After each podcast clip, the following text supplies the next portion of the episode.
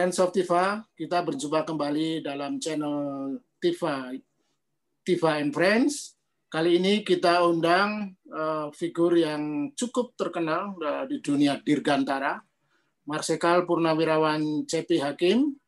Beliau uh, banyak sekali posisinya, antara lain pernah menjadi Kepala Staf Angkatan Udara dan berbagai posisi lainnya. Nah, eh, dalam waktu sekitar 25 menit ke depan kita akan berdiskusi dengan Pak Cepi tentang konteks situasi pertahanan dan keamanan nasional di Indonesia, khususnya terkait eh, sesuai dengan ekspertis Pak Cepi mengenai pengaturan pengelolaan wilayah udara nasional. Nah, bagi kita umumnya eh, kaum awam adalah apa yang perlu diatur dengan udara sebenarnya? Karena udara ini kan sampai ketinggian berapa yang perlu diatur dan uh, uh, kebetulan saya tadi pagi juga membaca tulisan Pak Cepi di Kompas, Kompas.com, kebetulan mengupas isu itu. Nah, jadi pas kalau sekarang coba kita diskusikan tentang pengaturan pengelolaan wilayah udara nasional. Pak Cepi, jadi ya. apa problemnya sehingga udara di Indonesia ini perlu diatur. Bagi orang awam itu udara itu kan langit. Langit itu milik semua orang sebenarnya. Apa kaitannya dengan uh, kedaulatan teritorial bangsa? Ya, jadi uh, kalau kita berbicara tentang udara, maka perlu kita prihatin karena belum semua dari kita menyadari benar bahwa udara itu adalah merupakan bagian yang utuh dari sebuah negara. Darat, laut, udara. Um, yang menjadi yang menjadi istimewa uh, udara ini kemudian adalah karena kemajuan teknologi. Kemajuan teknologi itu telah membuat udara itu menjadi sangat penting. Tidak hanya bagi kesejahteraan sebagai sumber daya alam yang dimiliki, tetapi juga sebagai uh, faktor penentu yang sangat bersentuhan dengan kedaulatan sebuah negara. Nah, kembali di Indonesia. Indonesia itu negara yang begitu luas, berbentuk kepulauan, dan sebagian besar daerahnya berpegunungan. Ya. Dengan gambaran seperti itu, mau tidak mau ya, itu kondisi sine qua non, kita harus memiliki jaringan perhubungan udara sebagai sarana transportasi. Ya, itu kita melihat di dalam dulu. Sarana transportasi itulah yang paling efisien di negara yang seperti ini. Dan sarana transportasi itu ada dua hal yang sangat penting di sana. Yang pertama adalah sebagai um, sarana bagi tata kelola administrasi dan logistik pemerintahan dan yang kedua bagi pelayanan masyarakat dalam uh, daily activities ya dalam kehidupan sehari-hari. Itu dua hal yang sangat penting. Kemudian kalau kita melihat di tingkat yang lebih uh, luas ya, di tingkat global, maka wilayah udara kita kalau kita berbicara penggunaan wilayah udara sebagai transportasi perhubungan udara, maka domestic atau national air transportation itu merupakan subsistem dari global air transportation system. Mengapa demikian? Karena semua negara anggota PBB, member state dari United Nations Organization adalah automatically menjadi member state bahkan dalam beberapa eh, terminologi digunakan contracting state dari International Civil Aviation Organization. Nah, itu melihat pentingnya. Kemudian sejak tahun 1900-an sebenarnya orang sudah mulai melihat bahwa wilayah udara itu sangat rawan terutama terhadap keselamatan penduduk dan dikaitkan dengan kedaulatan negara di udara. 19 tahun 1919 ada konvensi Paris yang kemudian dikukuhkan pada tahun 44 Konvensi Chicago yang mengatakan bahwa oke okay, udara wilayah teritorial sebuah negara itu memiliki kedaulatan yang komplit dan eksklusif. Jadi air sovereignty itu komplit dan eksklusif. Kenapa begitu menjadi perhatian? Karena sejak tahun 1918 itu negara Prancis misalnya, dia sudah merasa terganggu dengan percobaan balonnya Montgolfier. Kemudian pada tahun 1919 itu kemudian juga berkembang lagi banyak uh, gangguan yang yang dikomplain antara negara di Eropa, Jerman, Perancis dan Inggris terutama sekali terhadap uh, balon itu. Dan 1903 ketika Wright Brothers menerbangkan pesawat terbang yang pertama, itu juga kemudian melahirkan pesawat-pesawat terbang yang ter, terbangnya antar antar negara ya, international flight itu juga kemudian uh, merangsang negara-negara itu untuk duduk bersama bagaimana kita ngatur uh, wilayah udara ini. Jadi itu uh, sudah sejak tahun 1900-an sudah menjadi isu besar wilayah udara. Isu besar tidak hanya bagi keselamatan penduduk dan bagi kepentingan uh, roda ekonomi, tetapi terutama sekali bagi kepentingan pertahanan keamanan. Nah, begitu berkembang Kemudian kalau kita melihat sejarah bagaimana penggunaan udara sebagai juga sarana berperang, maka kita sekarang mengenal misalnya terminologi perang semesta ya, total war atau total defense misalnya.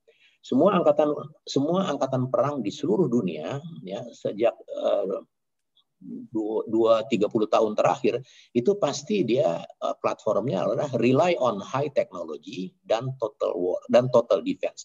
Kenapa? Karena sejak perang dunia pertama orang sudah tidak bisa lagi membagi perang itu dengan garis depan dan garis belakang karena semua sasaran di permukaan bumi bisa di, bisa dicapai oleh uh, dari udara ya ada Billy Mitchell ada uh, Julio Duque dan sebagainya itu yang menyebabkan kemudian perang itu menjadi total war dan pertahanan juga menjadi total defense. Terus berkembang terus berkembang perang dunia kedua perang dunia uh, perang dunia satu perang dunia kedua. Perang dunia ini ag agak unik sebelum pecah perang dunia kedua itu Amerika pangkalan terbesarnya di Pasifik itu diserang oleh oleh uh, Jepang ya. Dan itu adalah uh, di bukunya Future of War uh, Meredith Friedman itu ditulis Pearl Harbor itu sebagai the origin the origin failure of American military. Jadi itu mereka sangat surprise dengan itu dan dia sangat terkejut dan dia uh, uh, benar-benar tidak menyangka. Ada dua hal di situ. Yang pertama masih ada hubungan diplomatik dengan Jepang dan yang kedua eh, teknologi pada waktu itu dengan perhitungannya nggak mungkin ada pesawat terbang dari Jepang ke ke ke Pearl Harbor nggak mungkin. Jadi uh, dia nggak menyangka ternyata dari kapal induk di Samudra Pasifik. Ya, ya itu uh, Pearl Harbor. Nah kemudian kita tahu Hiroshima dan Nagasaki itu adalah juga serangan udara di wilayah udara kedaulatan Jepang oleh Amerika yang menghentikan Perang Dunia Kedua. Nah, kita lihat begitu, peningkatan-peningkatan lagi terakhir tahun 2001 ada peristiwa 911. 911 itu luar biasa. Jadi banyak tulisan-tulisan mengenai 911 juga menyebutkan bahwa 911 itu the second Pearl Harbor. Karena mereka tidak menyangka sekali uh, musuh serangan itu bukan datang dari luar tapi dari dalam negeri sendiri.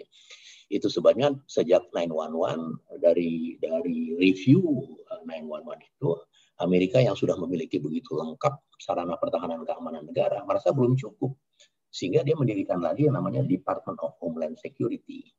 Mereka mendirikan lagi Transportation Security Administration atau TSC.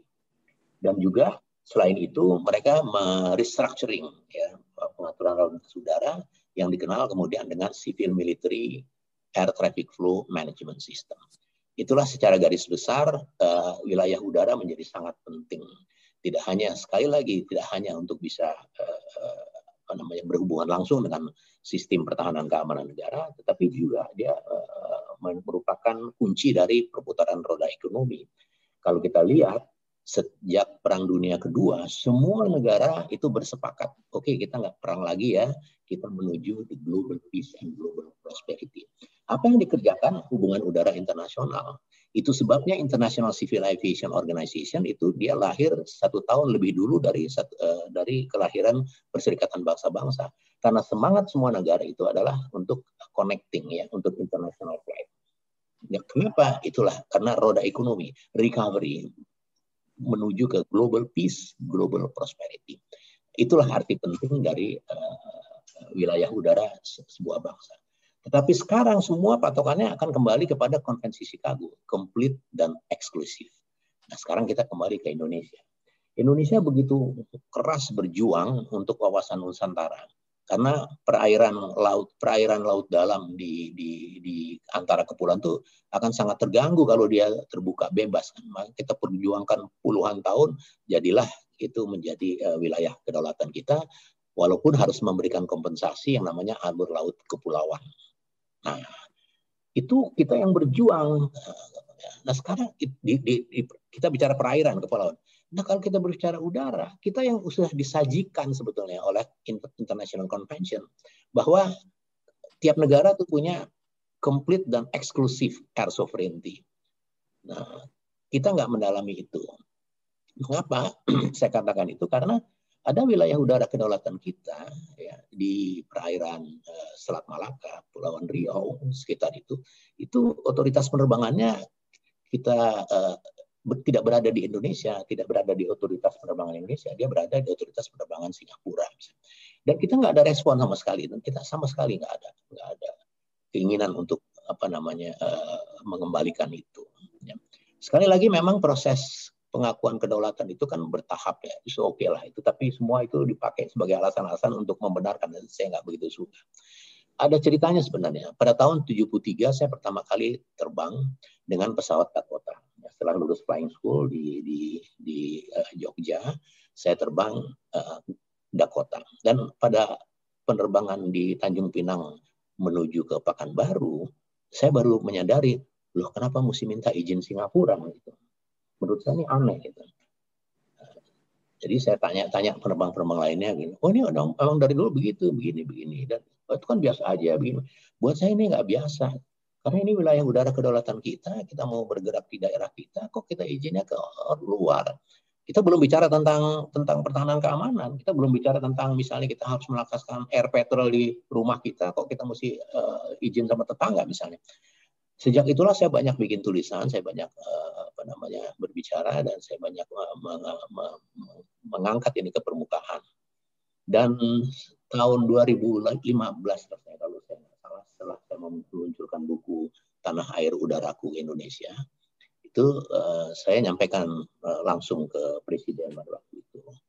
Walaupun masalah ini udah lama dari sejak tahun 2000 2007 itu saya sudah bikin eh, konsep-konsep itu ke Menteri Perhubungan tuh. Tiap ganti saya kasih tiap ganti perhubungan saya ganti. Dan semua Menteri Perhubungan iya iya iya tapi nggak ada yang bertindak sampai pada uh, terakhir di uh, Yonan pada waktu itu saya juga sampaikan juga begitu dia naik saya berikan konsep-konsep bagaimana tentang uh, pengelolaan wilayah udara. Dan beberapa waktu setelah itu dia bilang Pak Cepi sorry ya untuk uh, wilayah udara Singapura itu kita belum bisa kasih prioritas. Oh anda nggak perlu sorry anda yang punya kekuasaan anda punya authority untuk menentukan itu prioritas atau tidak. Itu kan saya cuma itu kan saya cuma kasih apa namanya masukan. Mau disilakan mau dijalankan silakan. Tapi nggak ada dua atau tiga bulan setelah itu dia dipanggil presiden. Dia disuruh segera mengambil alih itu wilayah itu. Ya, sayangnya ya sorry. Uh, apakah uh, ya uh, yang saya baca dari artikel di Kompas itu kan Indonesia belum mempunyai undang-undang mengatur tentang pengelolaan wilayah udara. Apakah uh, sepanjang yang Pak Cepi tahu sejauh ini ada kasus atau insiden pelanggaran atau uh, ya hal-hal yang karena belum ada aturan undang-undangnya sehingga kemudian kita kecolongan ada nggak? Uh, iya, makanya di tulisan itu kan saya kasih beberapa uh, pointers ya, poin-poin yang sangat penting. Um, jadi kalau kita berbicara kepada pengaturan pada undang-undang, maka kita harus berangkat sebenarnya dari konstitusi kan, dari undang-undang dasar sebenarnya. Nah, wilayah udara itu di undang-undang dasar itu belum dinyatakan secara resmi bahwa wilayah udara di atas teritorial Indonesia itu sebagai wilayah kedaulatan kita. Sehingga sehingga atau saya walaupun seorang hakim kan tapi bukan lulusan fakultas hukum ya.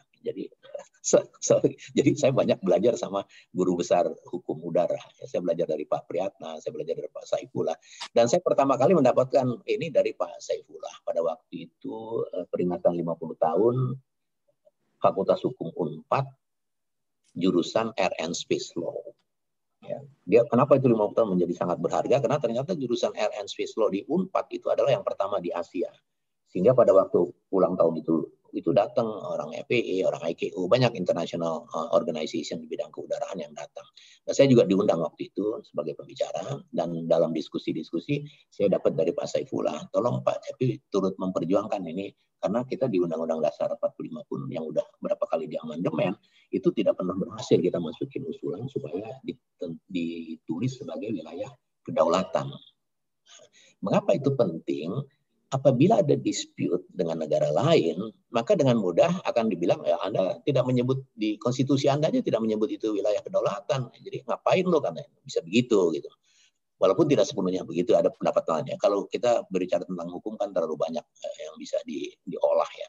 Dan sudah ada beberapa undang-undang yang menyangkut tentang penerbangan itu antara lain yang paling eh, fenomenal adalah Undang-Undang Nomor 1 tahun 2009 itu juga hasil dari karena kita didiskreditkan di dunia internasional sebagai sebuah negara yang tidak bisa comply dengan International Aviation Safety Standard.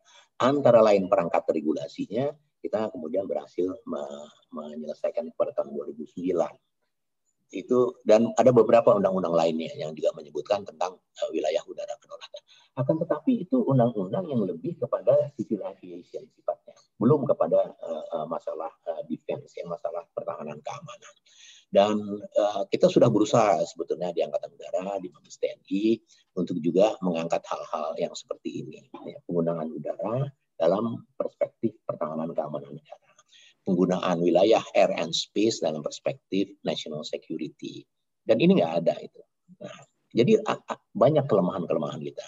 Yang pertama, secara konstitusi kita tidak menyebutnya. Yang kedua, wilayah udara yang cukup besar dan letaknya sangat strategis itu justru otoritas penerbangannya berada di negara lain. Ya. Itu hal-hal yang yang sangat uh, basic prinsip menurut saya. Sekali lagi, kalau orang banyak yang alergi tentang national security, karena udah ada perang uh, Belanda masih jauh, udah ada perang lagi, kita dagang aja. Oke, okay, tapi uh, udara juga itu adalah uh, sumber daya alam dan semua tidak tidak tidak ada yang gratis orang melintas di di, di udara wilayah udara tentu ada charge-nya karena ada fasilitas pelayanan navigasi udara misalnya. Nah, hal-hal yang seperti inilah kemudian eh, apa namanya ya membuat saya tetap berusaha untuk eh, menggaungkan ini terus menerus ya sampai ada juga teman-teman yang bilang ada teman-teman di eh, Kementerian Perhubungan saya ada teman tapi juga ada musuh ya dalam tanda petik lah. Ya, kalau dia bilang ah udah Pak Jab itu nggak usah didengerin dia kaset rusak. Jadi kalau diputar itu itu lagi itu, itu lagi. Tapi tapi nggak apa-apa. Saya uh, saya udah punya moral obligation karena sekian puluh tahun saya di angkatan udara saya melaksanakan tugas yang saya rasakan sangat mengganggu tugas-tugas angkatan udara sebagai sebuah uh, institusi negara kesatuan Republik Indonesia yang tugas pokoknya adalah menjaga kedaulatan negara di udara. Dan saya kasihan. Kalau, kalau diatur di undang-undang itu, ini pertanyaan uh, sederhana naif. Itu ya. sampai ketinggian berapa Pak? Uh, udara itu bahwa itu masih batas wilayah kita. Gitu. Secara internasional tidak belum ada kesepakatan itu. Tetapi setiap negara secara spasial itu mengusulkan, tapi tidak pernah sampai sekarang belum ada. Oh, belum ada kesepakatan kesepakatan. Tetapi kesepakatan yang tidak resmi adalah batas wilayah kedaulatan sebuah negara. Yang dikatakan sebagai komplit dan eksklusif itu adalah batas ketinggian pesawat terbang yang bisa diterbangkan menggunakan uh, fuel ya, ya selama masih ada oksigen, selama masih ada udara di sana. Dan itu hmm. antara 100 110 km. Dan 8 juga kalau nggak salah beberapa tahun yang lalu mengusulkan juga ke forum internasional kalau nggak salah antara 100-110 km. Hmm. Jadi kalau uh, ini kan penerbangan uh, bisnis penerbangan itu kan antar negara gitu ya. Jadi ya. kalau misalnya ada penerbangan Singapore Airlines dari Singapura ke Australia, itu kan pasti melintasi wilayah udara Indonesia. Ya. Itu ada konsekuensinya, mereka bayar atau? Oh ya jelas. Pengertian dari air sovereignty yang komplit dan eksklusif ya adalah berarti tidak ada satupun penerbangan yang bisa melintas tanpa izin. Ini rezim hukum udara ini berbeda dengan rezim hukum laut. Karena di hukum laut ada yang namanya innocent passage, ya, ada lintas damai, ada disediakan jalur lintas damai. Orang boleh eh, lewat tanpa izin. Di udara nggak bisa. Kenapa? Tadi cerita saya, dari tahun 44, dari tahun 1919, orang sudah merasa terganggu apabila wilayah udaranya dipergunakan oleh negara lain. Dan tahun 44 itu konvensi uh, internasional yang kemudian menyepakati, oke, okay, air sovereignty is complete and exclusive.